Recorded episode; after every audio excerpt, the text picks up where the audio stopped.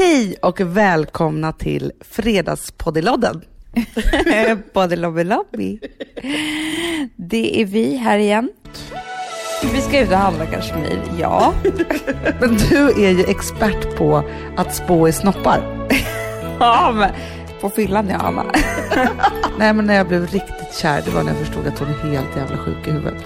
Alltså jag, jag har bara känt så här, alla ni som såg det här, kanske jag måste skjuta er så att ni inte kan berätta hur jag såg ut nu. Vet du vad sak? Jag vaknade i morse med sån grav ångest. Jag har ju suttit nu här och, och halvgråtit och lättat mitt hjärta i typ en timma. Vi har pratat ut, men jag vet att du skulle behöva också brista ut i gråt. det har du inte gjort ännu. Nej men jag vet, men jag håller mig jättemycket. Men du vet ju också när jag har ångest, då är det så här, jag går ju ner i ångest så behöver jag gråta och sen så för att komma ur det här så behöver jag liksom göra min så här, att göra-lista, så att så här praktiska saker som kän, gör att livet känns bättre. Ja men jag vet ju när, vad du får ångest av och det är när du håller på att tappa kontrollen. När det långsamt håller på att glida ifrån dig alltihopa. Då måste du ta tillbaka allting och, du, och så måste man bara berätta för dig vad som är prio och inte. För då är allting prio för dig helt plötsligt. Alltså då är, då är allting lika viktigt och så är det ju inte. Men, att jag, Men jag, vill ju, jag vill ju styra världen. Exakt. Jag vaknade i morse och trodde att jag var Gud och tänkte så här, hur har jag kunnat missa värmereglaget så att det har blivit så jävla kallt? Exakt, och då måste jag berätta för dig att du är inte Gud, tyvärr. Nej, jag tror också att det är typiskt att ha ångest i såna här tider. Alltså juletider. Eh, det tror jag också att det är. Vi, vi har också ärvt det av vår pappa, eller du. Ja. När jag vaknar med sån här ångest, det är lite så här att nu går vi in i en ny fas, nu är det vinter, som till exempel att vad ska man ha på sig? Mm. Att det är så här, man är typ ful i allt för att det är så jäkla kallt, man vet inte. Alltså när jag då helt plötsligt, från att jag har så här, koll på tillvaron när det gäller allt och hit och dit, så är det så här, det som står då inför mig är så här, inga kläder funkar för att det är för kallt. Jag vet inte vad man ska äta för att det är så här kallt. Jag vet inte hur jag ska träna längre för att det är så här kallt. Eh, och sen så kommer också den här julen då folk inte är där man tänker att de ska vara. Förstår du vad jag menar då? Nu låter du som farmor. jag vet. Men kanske var hennes ångest jag vaknade i morse. Men förstår du, där är jag idag. Att det är så här, allt håller på att glida ifrån mig som sagt. Jag tror, vet du vad jag även tror att du har ångest för? Jag tror att du har resefeber. För min Åreresa? Nej, för din Egyptenresa. Oj, vad mycket resor jag ska åka på nu också, känner jag. Ja, men jag tror att det är Men Hanna, på riktigt så tror jag så här. Det är egentligen precis vad du behöver. Du behöver bara flänga ut i världen, Åre och Egypten. Men det gör att du också får ångest. Och jag vet att du har ångest över att du ska lämna dina barn när ni ska gå till Åre. Mm. Jag vet att du har ångest för att ni ska resa bort till Egypten, när alla ska dö och det ska vara konstigt att andra ska dö här hemma eller någonting. Ja och du har ångest över det här året, blev allting som det ska? Har, vi, har jag gjort allting som jag ska behöva göra? Och nästa år, hur ska det bli? Du är mitt emellan en massa saker som skakar om dig. Och ja. då håller du på att tappa kontrollen. Och det är en sån fruktansvärt jobbig känsla. Ja, för dig. För mig ja. Under, alltså min den här kontrollgrejen är ju din hypokondri. Mm, precis. Vi delar, det är två sidor av samma mynt. Oh, men jag bara undrar, så här, men jag vet ju så här, det enda sättet för mig att bota det här är ju att få kontroll. Eller gå i terapi. Men det gör jag ju samtidigt. Nu håller ju du på att hjälpa mig här nu och bara prata igenom det här så att jag får prata av mig och få liksom kontroll över mina egna tankar. Det är steg ett. Vi städar idag i Hannas hjärna kan man säga. Ja, och sen så ska vi ju ge oss ut på stan och få kontroll över vad jag ska ha på mig Eh, återigen, det här är ju liksom en följetong nu, men till det här bröllopet. Vi ska ut och handla kashmir, ja. jag förstår ju inte. Alltså jag vet att ni längtar efter att se mig i den här bollen av kashmir och den kommer ni få se, men jag har inte hittat den själv än. Igår kom jag upp på kontoret och tänkte att Hanna kanske hade missförstått, för då satt hon i en pläd eh, av så här mohair. jag hade en vanlig filt på mig, det var så rackarns kallt. Eh, jag önskar mig så himla mycket, det här är min högsta önskan, att jag skulle bli lite mer så här Camilla Läckbergsk. Vet du vad jag menar då? Ja, men jag vet. Jag läste henne på Twitter i morse och tänkte så här, fan att jag inte är som henne. Ja, det här om papporna. Ja, alltså både du och jag tror ju att eh, vi är sådana där mammor som tror att vi är så viktiga för våra barn.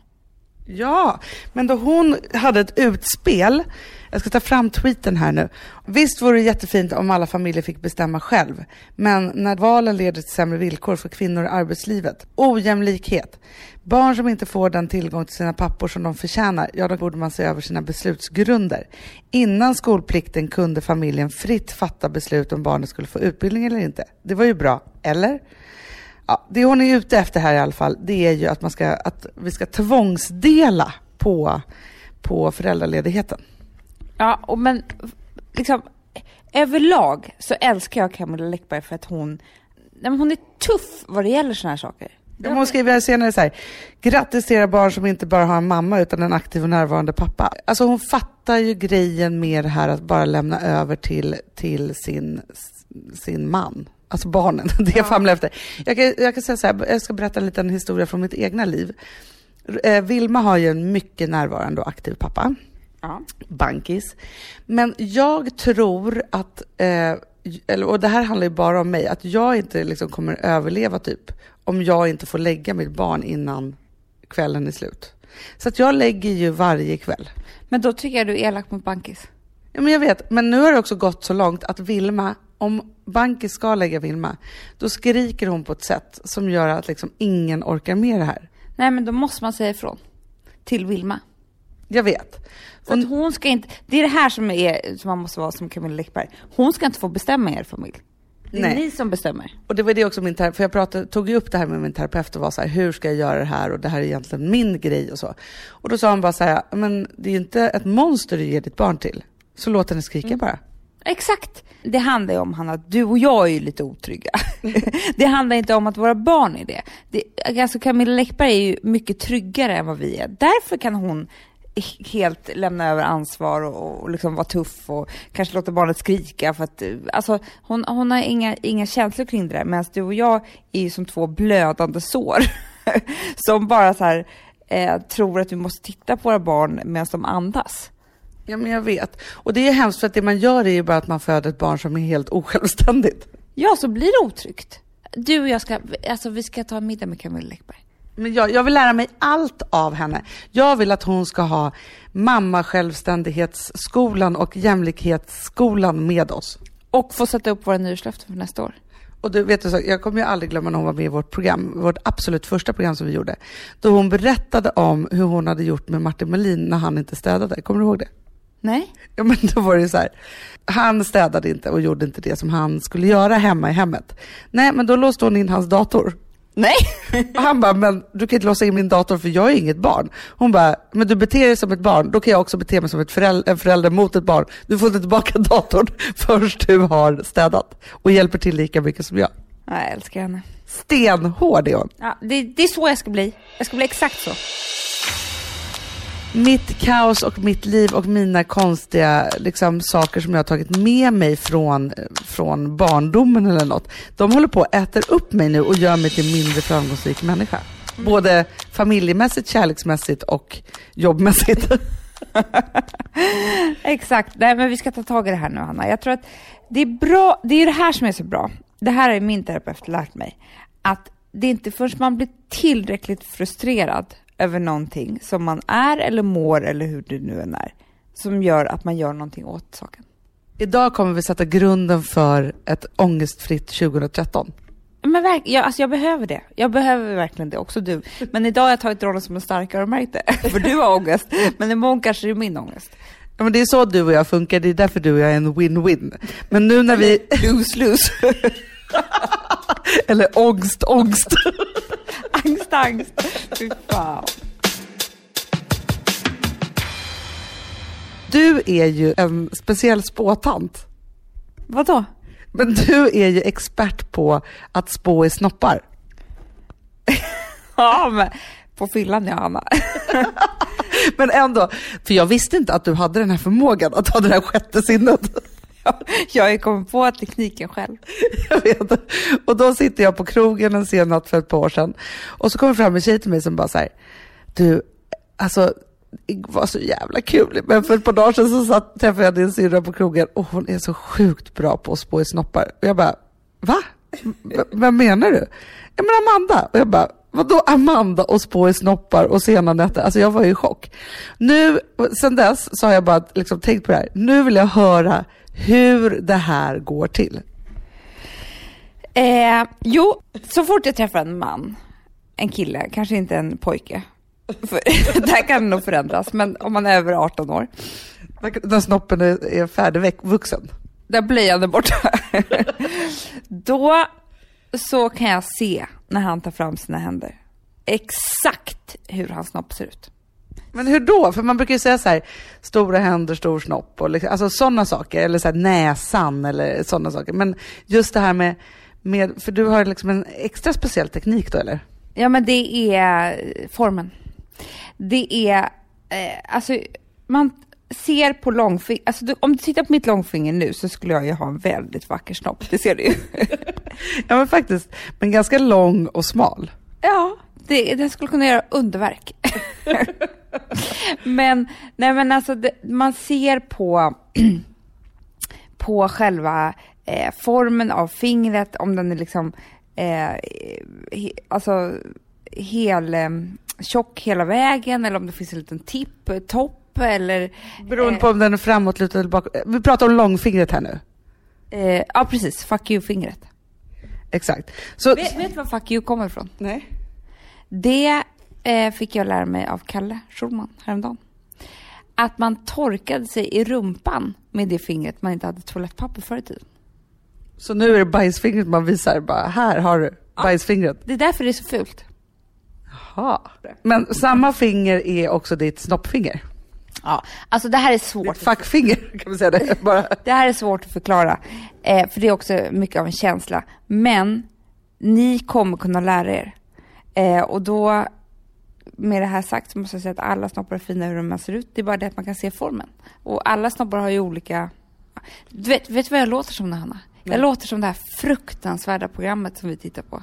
Eh, 69 saker att veta om sex. När, när det sitter ett gäng tjejer och ska prata om eh, sex på 90-talet typ. Jo, fast jag, jag tycker ändå inte riktigt att du hamnar där. För jag tycker ändå att det här är så intressant att man liksom, här är det som att du har röntgensyn. Vi pratar ju inte om dåliga eller konstiga snoppar, utan alla snoppar är ju fina. Men det är som att du kan liksom ge en inblick i framtiden. Jag vet. Men eh, du vet Carolina af Ugglas, hon säger att hon kan se eh, på kvinnors mun hur deras fluffy ser ut. Nej. eh. Hon säger att det hör upp. Så att alltså, man kan spå fruffig på munnen, snoppis på fingret. Sätt mig Carolina af Ugglas i ett rum och ta in eh, ett gäng eh, människor så ska vi se vad vi kan göra. Så kan vi rita upp och sen så kan de få visa. Vore inte det kul? Det vore jättekul. Det är som liksom en extra, eh, alltså det, det är som en gameshow. Precis, kan man vinna pengar. Om ni har no själva några egna så att ni kan spå direkt liksom, och saker och ting som ni vet om andra, kan inte ni mejla till oss då? Eller alltså skriva i våra kommentarer eller något? För det vore så roligt att höra om det finns fler sådana här förmågor. Exakt, men jag kan också lite se på hur ögonen sitter, om man är intelligent eller dum. Nej. Eh. Men jag kommer inte avslöja hur. För att då kommer jag eh, berätta vilka människor som är dumma. Och det vill jag inte. Men man kan säga att du är lite av en övermänniska.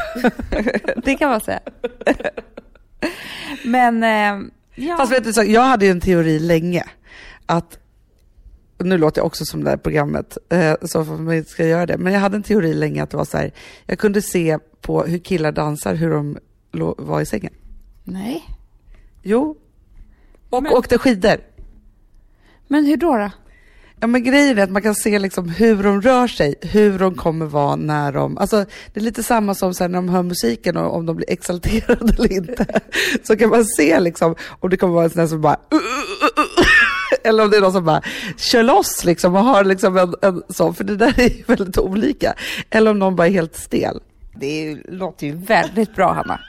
Alltså, Det är inte ofta man ser folk dansar just nu, men eh, när man ändå är på disco så kan man verkligen eh, se. ja, precis. Det kan ju vara... För det där tror jag ofta på. Att det är de lugnaste vatten, fulaste fiskarna. Alltså, det finns människor som man tänker så här, de, de säger inte ett knyst och de, de liksom har ingen utstrålning, de rör sig inte, de är ingenting. Men i sängen, herregud, då är det vilddjur. Du, apropå det så hörde jag faktiskt en historia igår om en sportstjärna, jag säger inte vem, men som man kan tänka är den liksom absolut tråkigaste mannen någonsin, som hade då, skulle då ligga med en person och bara sa så här, vill du bli knullad eller straffknullad? och då tänker man ju så här, han hade liksom en, en knullmeny där som han var så här, du, du kan få välja. Man bara, nej, jag vill kanske inte bli någonting. Hejdå. Alltså för att han, när man ser, när man tänker på vem det är också, för jag hörde också det här, då blir man jätterädd. Ja, men du, jag måste säga en annan förmåga som du har. Alltså du är ju en, en kvinna av överraskningar här känner jag idag. Men du kan ju se på, bara att se liksom någon på tv till exempel, att så här, den kommer skilja sig. Jag vet. Alltså, man får aldrig glömma när jag såg Reinfeldt. Nej, du måste berätta den historien. Jag ser eh, Fredrik Reinfeldt på Helenius hörna och säger till Alex i soffan, okej, eh, han och Filippa kommer gå skilda vägar. Han har träffat en annan, eller det är någon som uppvaktar honom eller någonting. Någon annan som han vill, som han blir smickrad av eh, om, om den tycker att han är härlig. Jag ser det på en gång. Och mycket riktigt, några veckor senare, skilda vägar. Filippa och Fredrik. Vad var det som fick dig att liksom tänka tanken? Ja, men han skrattade mycket mer på ett helt annat sätt. Och han, han gjorde sig till för någon annan än David. Det var ju det man såg. På ett o, ganska obehagligt sätt. Och eh, det för mig till en annan historia som jag aldrig kommer glömma. Och det är en kompis med mig som berättar att han var tillsammans med en tjej. Och kommer in på en bar där hon sitter och väntar eh, på honom. Och där hör han henne skratta. Där hon sitter med en man. På ett sätt som hon aldrig har gjort med honom. Oh, Och jag kommer aldrig någonsin glömma det, för det var så här, det, alltså det, det är verkligen, det finns någonting med skratt, Hanna. Som gör, alltså folk kan ju verkligen göra sig till med skratt. Man kan liksom skratta falskt, man kan skratta, eh, skratta för att göra någon annan glad, eller man kan skratta på riktigt, eller man kan skratta, alltså skratt verkligen visar vem, hur, liksom, vem man skrattar för. Har du, har du tänkt på det? Det är faktiskt väldigt avslöjande och väldigt sant. Ja men när du och jag skrattar, om vi får ett skrattanfall, så kan vi skratta, alltså då grimaserar vi, alltså vi ser inte kloka ut. Eller hur? Nej. Och tårarna rinner och snor, alltså det är så här, det är liksom nästan... Vi släpper allt. Ja men det är djuriskt på, på ett ganska obehagligt sätt. Men så skulle jag aldrig skratta med någon som jag inte var så trygg med, som inte var familj. Eller absolut bästa vän. Men du och jag var ju faktiskt på en, en lunch med, när vi skulle få Natasha Illumberg att bli programledare, eller man ska säga coach på eh, program som heter Mot alla odds som vi jobbar med på SVT. När det är ett gäng handikappade människor som tar sig på en otrolig expedition. Och vi skulle i alla fall träffa henne för att fråga om hon vill vara eh, deras liksom, coach där i djungeln. Sitter på Rish, säger, eh, alltså hon beskriver sin vardag i Afrika, i hennes, liksom, för hon bor ju mitt liksom, i, i bushen där. Eh, så. Och så säger ju du helt plötsligt så här, har du några vänner? Ja men det här är en grej som kan hända mig ibland, som du har varit med mig om tusen gånger. Det är att jag kan väldigt lätt säga en mening med helt fel ton. Helt fel ton och ingen fortsätter. Alltså det är så här, det blir som, så här, vad menar du egentligen? Alltså, jag, och, och det är så här, det är verkligen, alltså har du inga vänner? Jag men, det jag menade med är ju så här, eh, med den frågan var ju så här, men vilka känner du där? Eller eh, hur ser liksom människorna ut som du bor med? Eller du vet så här. Men istället blev det så här, har du inga vänner? Det så här, har du några vänner? Inte inga ens en gång. ja, det. Men det blev i alla fall, alltså så här, till det här skrattet så, så var det faktiskt så att vi alla tre uppfattade hur konstigt det här var, för det är inte alla som skulle ha gjort det, eh, att du sa på det här sättet. Sen skrattade vi, alltså hon var bara tvungen att lämna, vi skrattade så att vi snorade, vi kunde inte sluta på ett helt vansinnigt sätt, men, men just för att hon kände som att hon var typ familj. Ja, hon gick därifrån skrattande snorat och bara vinkade för vi kunde inte ens säga hejdå till varandra. Det var första gången vi såg, så det var helt otroligt. Ja, och just det när man får en sån skratt. Nej, det var, det var faktiskt helt sjukt. Var ja, men, och när jag har sett mig själv ibland på, alltså det finns ett program med mig som är helt sjukt, när jag var med i eh, Köket hette det på TV4 för tusen år sedan, kommer du ihåg det? Ja. ja. Jag var 20 år. Och jag var så nervös att jag Nej, men jag har aldrig varit så nervös hela mitt liv och du tvingade ju mig. Jag stod i kulisserna och du sa ju såhär, jag, följer med, jag gör det här om du följer med och står och tittar på. Så jag var som din nanny. Men det man kan se när man tittar på det här programmet, det är att jag har ett skratt som är obehagligt. Hur skrattar du då? Så skrattar ju inte jag. Nej det gör du inte. Nej, och det är det jag menar, att man kan verkligen, om du som känner mig skulle kunna se varf, alltså på ett sätt jag skrattar, vad jag är för typ av situation och vilka människor jag är med. Ja, och jag skulle också framförallt, om du stod och pratade med en kille och skrattade liksom kärleksskrattet, oj, då skulle jag, jag skulle kunna höra det på 10 mils avstånd. Ja, det är skrattet som avslöjar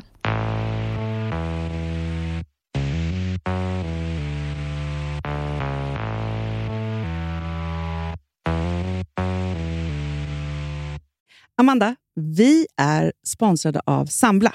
Ja, och det tycker jag är så bra. För att just också i dessa tider, Hanna, men Mm. oavsett, så är det ju jätte, jättesvårt det här med lån och långivare och vad man ska ha, liksom vad man ska kräva och vad som är bra och dåligt och alltihopa. Och då, men Sambla, Hanna, de kan allt. Ja, Alltså, Alltså, allt om det här. Sambla är en personlig jämförelsetjänst för lån och de alltså, jämför upp till 40 långivare, vilket hade tagit otroligt lång tid och jättemycket energi om man skulle göra det här själv. Mm. Och De hjälper ju dig som kund liksom, att jämföra dina långivare. Ja, men det är precis det de gör.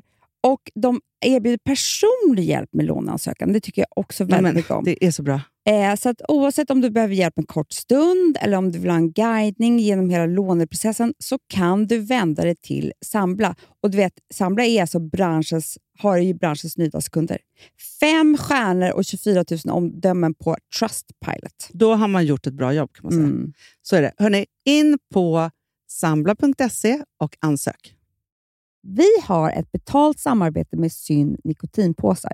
Det här meddelandet riktar sig till dig som är över 25 år och redan använder nikotinprodukter. Syn innehåller nikotin som är ett mycket beroendeframkallande ämne och Syn kommer i olika smaker, styrkor och format. Nu lanserar Syn en helt ny smak inom mint.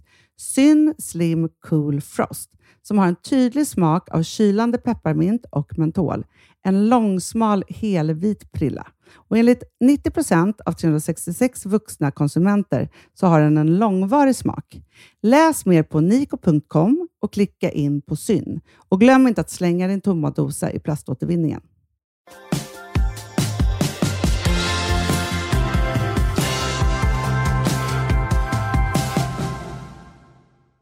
Jag träffade en kompis i veckan och hon berättade för mig att hon hade blivit bjuden på en fest. Och Hon är gift och har två barn och hon skulle dit eh, helt själv.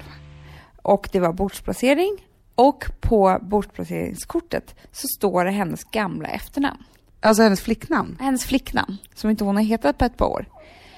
Och för henne blev det så speciellt för hon var ju där helt själv och barnen och mannen var hemma och så stod det det här namnet och hon fick liksom ha en kväll, alltså det var ju bara fel. Alltså de hade ju bara gjort fel de som hade festen. Men hon fick ha en kväll som sitt gamla jag Otroligt roligt. och hade så kul och var liksom ehm, Släppte loss helt. det kan man säga. Hon släppte loss helt, fast inte på ett obehagligt sätt utan bara så här. Alltså hon, när hon beskrev det så beskrev hon det med ett väldigt stort leende som var så här lycklig över den här kvällen, att hon hade bara släppt loss och, eh, som, som sitt gamla jag. Och då började jag tänka på mitt gamla jag. Och hur det skulle vara för mig att gå på fest som Amanda Widell. Innan barn och alltihopa, när du bara var du. För att för mig är inte giftermålet så stor grej att jag bytte efternamn. Det är bara det att det var så mycket som hände på en gång. Att jag eh, eh, träffade Alex och blev mamma. Eh, det var just två stora händelser som gjorde då i samband med att jag bytte efternamn. Så det är verkligen före och efter. Eh, håller du inte med? Jo, jo, jo. jo. Ja, och ehm, då så tänkte jag på att det kan vara ganska skönt att tänka på sig själv förr i tiden som en annan person. För att det med både, när jag tänker på Amanda Widell så tänker jag på henne, jag blir lite sorgsen över henne Ja. och jag blir, eh, Ja, och jag blir också lite så här, ja men det var ju härligt att vara den personen. Men, men mest av allt blir jag lite så här, nej, jag, tyck, jag tycker nog ganska synd om henne när jag tänker på henne. Ja, men jag kan förstå vad du menar, men jag skulle vilja... Jag är inte eh, Hanna Videll och Hanna Videll. alltså, Nej, men jag det är inte samma. Jo, men före och efter liksom så. Vet du, vet, du vilka, vet du, jag skulle vilja dela in mina olika personer. Först är det Hanna Videll upp till 27, innan jag gifte mig och skaffade barn första gången. Det är en tjej för mig. Ja, det är Hanna Widell eh, utan någonting. Ja, och det är så här, hon är ju en, en rocktjej, eh, ganska mycket ledsen som bodde där på Vallalavägen i hennes lä lägenhet och jobbade och så här. Men det var så här, men samtidigt levde ett otroligt härligt uteliv och det var så här massa sådana saker. Men ganska rökigt och mycket rockklubbar och liksom sådana saker. Sen har jag personen Hanna Rosander. Ja, just det. Det var ju hon som, som gjorde allt det där som hon hade drömt om, som hon trodde var rätt och riktigt. Men som också var tvungen att och fly och hade jobbigt och skilde sig och liksom, alltså så allt det där. Sen, Hon, äh, Hanna Rosander var ju verkligen vuxen.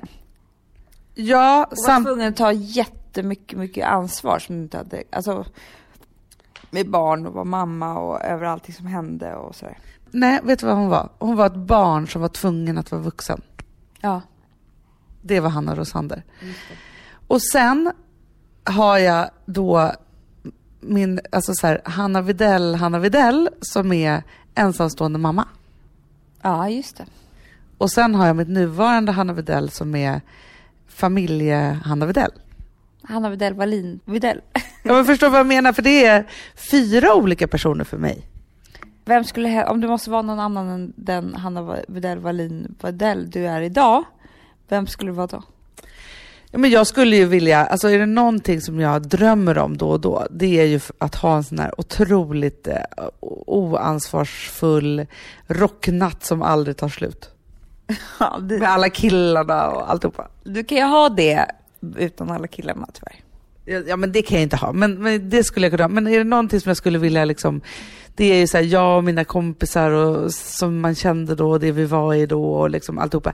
Men jag skulle ju vilja addera mitt nyvunna självförtroende, för att jag visste ju inte hur tuff jag var då. Nej, precis. Det tänker jag också ofta på att det är så orättvist. Att eh, en grej, det är att när man var sådär ung och eh, ville göra så mycket och gjorde så mycket och var ute och, och, och liksom kläder var så viktiga och hur man såg ut, eller liksom allt, man ville ha allting precis hela tiden och var ju ungdom. Då hade man ju noll pengar. Ja men det är ju så här, nu för tiden så bara så här, det, nu låter det som jag är skrytmåns här, men det dräller ju in olika festinbjudningar och grejer på halmmattan. Och man kan ju inte gå på något. Och då jagade man istället de här och bara hoppades att man skulle kanske kunna få gå på ett, något litet kalas. Ja men en inbjudan betyder ju världen. Alltså, eller bara, var det någon man kände som hade en inbjudan? så kanske fanns, fanns det en chans för en själv att kunna smita in. Och nu så har man inte ens tid att öppna, alltså det är inte så, men alltså. Ja men det är också det här, jag tänker också så här att man hela tiden är i jakten på det som man inte har och sen så när man har det, då är det inte viktigt längre. Vad kommer det vara när vi typ är 50 och vi tänker tillbaka på våra så här småbarnsår? Vad kunde det vara då? Så här, tänk att vi, då vill vi bara ha det här och nu har vi hur mycket, det är väl tiden då? Ja, fast vet du vad? Det var ju en man som kom fram till mig, eh, en gubbe som kom fram till mig på Konsum häromdagen. När jag stod med Charlie som skulle ha, eh, ja men du vet, något jävla konstigt kakpaket som jag skulle vara duktig mamma och säga nej till, fast du vet man inte ens orkar ta fighten. Och eh, Fransen som skrek och jag så här, hade en vagn, bar väska eh, och eh, Frances ena handen och korgen. Och, du vet, det var, alltså jag ville gråta och dö. Och tänka så här, kan Gud bara komma och plocka upp mig härifrån? För att jag klarar inte det här. Då kom han fram till mig och så sa, han, du vet, stod och skrattade lite och skulle så här, hälsa på Charlie samtidigt. Och man vill bara säga så här, ser inte du att jag har fullt upp? Alltså ska vi nu också vara artiga mot dig? Det, det, går, det här går inte ihop. Men då sa han så här, det du måste tänka på nu är att det här, just det här som händer dig här nu, det är din- dina lyckligaste år i livet. Och du kommer komma att tänka tillbaka på det här som din lyckligaste situation. Nej vad härligt. Och det är det som alla missförstår med att man har så mycket att göra de här åren med småbarnen. Att man inte hinner tänka efter. För när man är så gammal som jag är, då kommer man ihåg det som väldigt, väldigt lyckligt. Det var Gud som klev ner. Det kanske var det. Men det jag ska berätta om den här gamla Amanda Widell, Ja. Det är att eh, om jag skulle gå på fest som henne så kom jag på det som var mest sorgligt med henne. Ja. Som jag måste säga, Alex är den som har eh, hjälpt mig med. Det är att innan så träffade jag mest killar som ville göra mig till någon annan. Ville göra om mig. Vilket han inte ville. Han tyckte om hela mig, hela mitt paket på något sätt. Eller accepterade. Nej men han tyckte också om, han tyck, alltså, tyckte om sidor hos mig som ingen annan hade tyckt om innan. Och eh, det gjorde att jag var, nej men jag hade, om jag går på fest idag så är jag mycket mer självsäker än den där andra. Och det var ändå härligt att upptäcka än att titta tillbaka och bara, gud den där, jag skulle vilja gå på fest som mig själv som singel och liksom inte gift och sådär. Jag håller ju med här, för jag har ju sett det här utifrån. Men du hade ju alltid killar som blev så här helt bara fantastiskt eh, superkära i dig. Lamslagna av liksom att du så här tokig och vild och liksom alltihopa som, som du ju är i din hjärna och fantastiskt bländande vacker. Men det som hände var ju på något sätt att de hela tiden ville arbeta bort det där tokiga och vilda och att du bara skulle liksom fortsätta vara bländande vacker. Ja, de föraktade det. Ja, och till slut så hatar de det. Men det som man älskar med Alex, det är ju att han tycker precis tvärtom. Och jag kommer så väl ihåg precis när ni hade träffats så var vi på mammas 60-årskalas och så satt vi där och pratade. Och så frågade min kompis Saga, Alex, här, vad, vad, vad var det du föll för hos Amanda? Och då så sa han så här, nej men när jag blev riktigt kär, det var när jag förstod att hon är helt jävla sjuk i huvudet. Nej. Och då kände jag så här, this is it. Gud vad kul, det har jag aldrig hört. Du, jag måste faktiskt ta upp en sak om Alex också, som jag faktiskt har tänkt på jättemycket, som jag eh, skulle vilja ge honom. Han pratade om, i sin förra podd, alltså de pratade om mobbing och att han inte hade varit, att han var den som, som inte hade så mycket civilkurage och inte vågade säga ifrån och sådana saker. Och, och att han aldrig skulle stå upp för någon och så. Han gjorde ner sig ganska mycket. Har du lyssnat på den? Ja, jag har faktiskt lyssnat på halva den. Ja. Ja. I vilket fall som helst så vill jag bara säga det att jag känner ingen som har så mycket civilkurage som honom och som har stått upp så mycket för mig. Alltså Alex är ju en sån person som, tycker jag, så att om han gillar en, då kan han ju gå i döden för en. ja, det kan han verkligen. Och jag minns så väl liksom när, när, eftersom jag var liksom mitt i min skilsmässa när ni två träffades, så både liksom, två saker som jag, som jag aldrig kommer någonsin glömma. Det första var min förra man och hans familj skulle åka utomlands, eh, typ till Thailand, jättehärligt. Och Rosa skulle inte få följa med. Ja, det här kommer jag ihåg. Och Alex ringer till mig och bara säger så här, jag betalar biljetten. Det är klart att hon ska åka med. Ja, och då hade vi varit tillsammans jätte... Vi hade varit tillsammans jättekort ju. Ja, och han blev så beklämd av det och bara var så här. Sen så sa jag till honom så här, jag bara, men det är inte det som är... Hon kommer inte bli lyckligare av det, men bara den tanken och den viljan att bara vara så här, men nu så tar jag mina pengar, för han hade gjort det. Han hade köpt en biljett om jag, om jag bara hade sagt så här, gud vad schysst, ja, det är verkligen eh, till stor hjälp, så hade han ju bara gjort det. Ja, verkligen. Men sen också att han ju faktiskt, apropå liksom att stå upp för någon annan som blir mobbad, tänkte jag säga, men han skulle göra ett jobb som det visade sig vara då eh, en, ja, eh, en person som inte hade gjort mig så, eh, eh, så väl eller så bra, gott, eh, som jobbade med det här och han sa bara så här, jag gör inte det här jobbet så länge han, den personen är inblandad Så jävla bra, sånt där älskar man ju. älskar det! Och jag önskar också att jag hade modet och inte tänkte så mycket på pengar och bara var så här, vilket vi i och för sig eh, har ibland, men just det så här, det är det finaste han någonsin har gjort. Och så sitter han i sin podd och pratar om att han inte har något civilkurage och aldrig har stått upp för någon annan eller sig själv. Bra att du redde ut det här, Hanna. Det. Men nu stod du upp för honom. Ja, och då känner jag att nu, då, om jag kan göra det på det här sättet, då gör jag det. För att, alltså, jag känner att även om Alex är din man så är han så här, riddaren i familjen som bara är ute och fäktas där när det än behövs. För det finns ju ingen som kan bli så uppretad. Och som har så många kanaler att fäktas i. Verkligen. Men i mitt liv så har han, för att han är ju otroligt bra på att gå ut och fäkta sina kanaler, men så har han fäktats i det lilla. Men i mitt liv så har det varit oerhört stort. Åh, vad glad han kommer bli när han lyssnar på det här.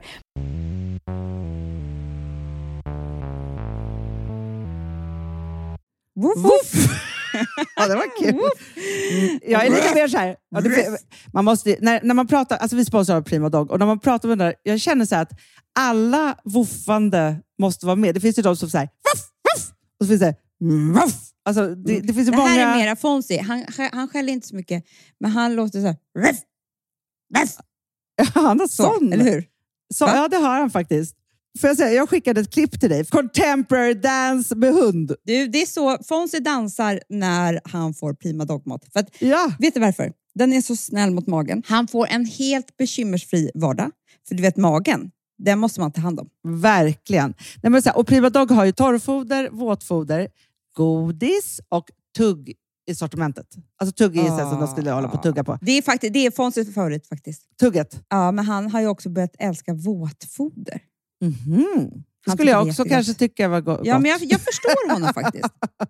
Men det är alltså vetefria produkter med mycket kött. Och det är det som jag tror är så bra. Produkterna finns ju online, i välsorterade djuraffärer och i dagligvaruhandeln. Alltså jag skulle vilja att du och Fonzie lär er contemporary dans. Det var ju som agility fast med dans. Mm, ja, vi ska Ah. göra det. Jag tror att Prima Dog kommer vilja ha oss som ansiktet utåt Ja, men det är det jag känner. reklamfilm. Ni dansar er fram till... Alltså för deras, jag älskar ju deras eh, liksom tagline och det är Taste of Nordic Happiness. Och liksom, Då måste dansen vara med. Ni kan gå in och läsa mer på primadog.se och snart se mig och Fonzie i en dans på en skärm nära er. Underbart! Du Amanda, Ja, vi är sponsrade av All I Am. det är det mysigaste. Alltså för det första, ja, två produkter vill jag prata om. Mm. Det ena är blusher drops. Ja. Ser du på min kind? Jag ser. Det är någonting, det är alltså så här peachy, liksom, eh, kan man säga, färg. Men, och jag har ju alltid lite rouge innan, så jag har ju Mm. romantic plum innan. Men det, det som är att det är någon så här hyaluronsyra, det är massa olika grejer som gör att det plampas och blir glowigt och typ slätt. Jag vet inte vad det är. Nej, men alltså man ska säga så här. Peachy glow solving everything. Så är det. Så. Nej, men så här, oh my god, jag har en känner man kind, lite- jag har ett käkben. Ja, men också så här, på sommaren när man då är brun och då får man lite ros på kinden och alltihopa. Bara lägga den där. Ja, och lite på ögonen, Ja. lite på näsan. Alltså jag är tokig i... Ja, men det är ju blush och highlighter i ett. Om man lite över läppen också. Ja. Nej, men alltså den är... Nej, men alltså, man ser så nykär Nej, men ut folk- när man har den på Det sig. här är ju nästan, efter glow primern, är det här den produkt som när folk sätter på sig den första gången så är det så här: wow, nej men Mm. gud, här, oh my god, nej, jag måste ha. Att det, man, blir, man blir galen alltså. Helt galen. Du, sen är det ju så att man behöver ju också glow för kroppen. Och nu har ju liksom Ola Jäm och vi eh, tagit fram den ultimata glowing oilen. Alltså Nej men, nej men snälla, dels så doftar den så gott, Mm. den är eh, massa fukt i, men den kladdar inte. För det är det med olja annars, det är så här, hur ska jag kunna sätta på en kläder efteråt? Mm. Eh, och så är det ett litet, litet, litet skimmer som nu alla ben och armar och dekolletage behöver, för vi, inte, vi har inte den här sommarbrännan än. Men även när man har brännan behöver man ju det. Men alltså, nu känns det så tryggt. Ja, men när man har sommarbrännan, då blir det så snyggt så att det inte är klokt. Och till man har sommarbrännan, då kan man liksom fuska sig snygg. Verkligen Så. Och när ni ändå, för nu har ni en kod och det är Fredagspodden 20 som ger er 20% på ett helt köp på H&M. Och då skulle jag säga en grej till. Ta hem också dagkrämen med SPF 30. Mm. Finns ingen bättre dagkräm och ni måste ha SPF nu.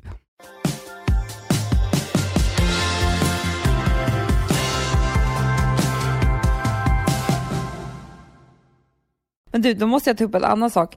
Jag lyssnar på deras podd. Visst får man, eh, man får uppslag till många ämnen eh, innan man lyssnar på deras podd? Jag, jag vill ju vara med. Vi kanske ska göra, vi kanske ska slå ihop våra påsar och köra bara en jättepodden-podden. Jag vill så här, ta deras podd ibland, för jag blir så inspirerad. Så vill jag ta eh, varenda ämne och så fortsätta på det här. Eller? Ja, ja.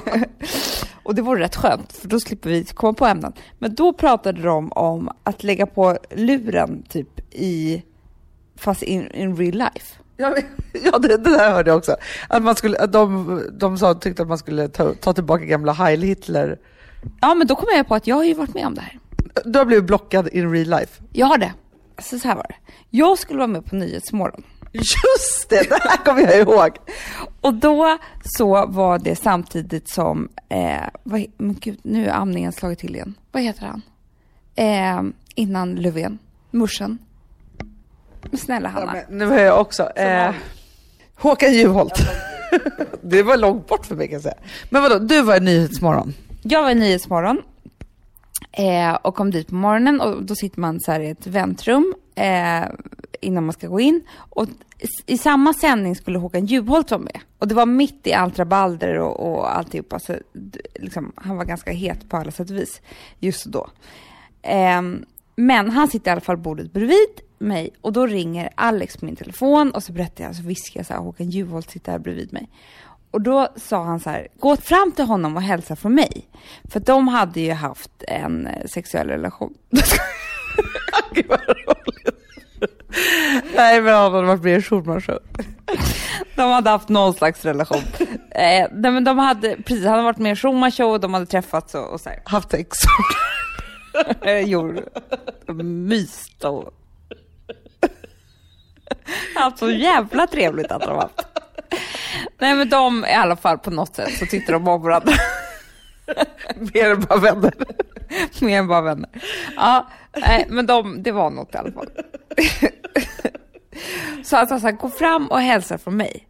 Och så tänkte jag så här, ja men det ska jag göra. Så jag la på och så gick jag fram och kände mig skitdum liksom. Men bara, hej jag vill bara hälsa från Alex och jag är hans fru och sådär. Och han satt ner och så här hälsade på mig, hallå hallå.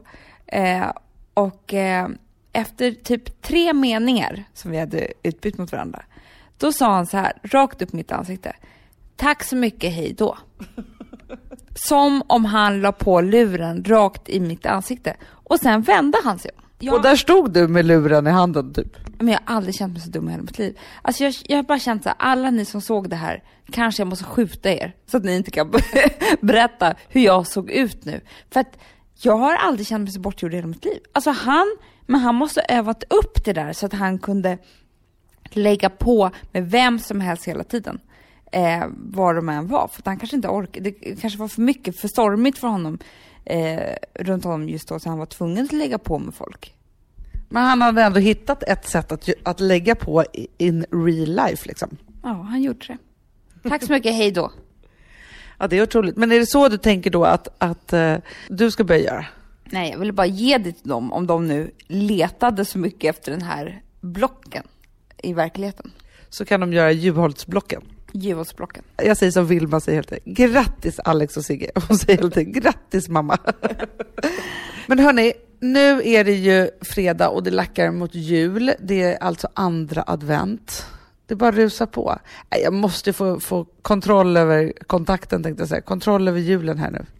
Ja, men det är det vi ska ordna. Och vi ska framför jag är urpepp nu över vårt nya år. För det är det man måste gå över till. För jag tror att det är därför man har ångest här. Alltså, vi ska göra upp exakt hur nästa år ska bli, eh, vara. För då blir det så, eller hur? Ja, och vi vet ju själva att bara man säger saker och ting tillräckligt mycket, då blir det verkligen så. Ja, och därför, be careful what you wish for. It comes back to you. Precis. Hörni, ha en underbar fredag, en, hund, un, en hunderbar, alla hundar, en underbar, ha en underbar helg. Ja, och glad advent. Puss och kram, vi ses snart igen. Puss puss.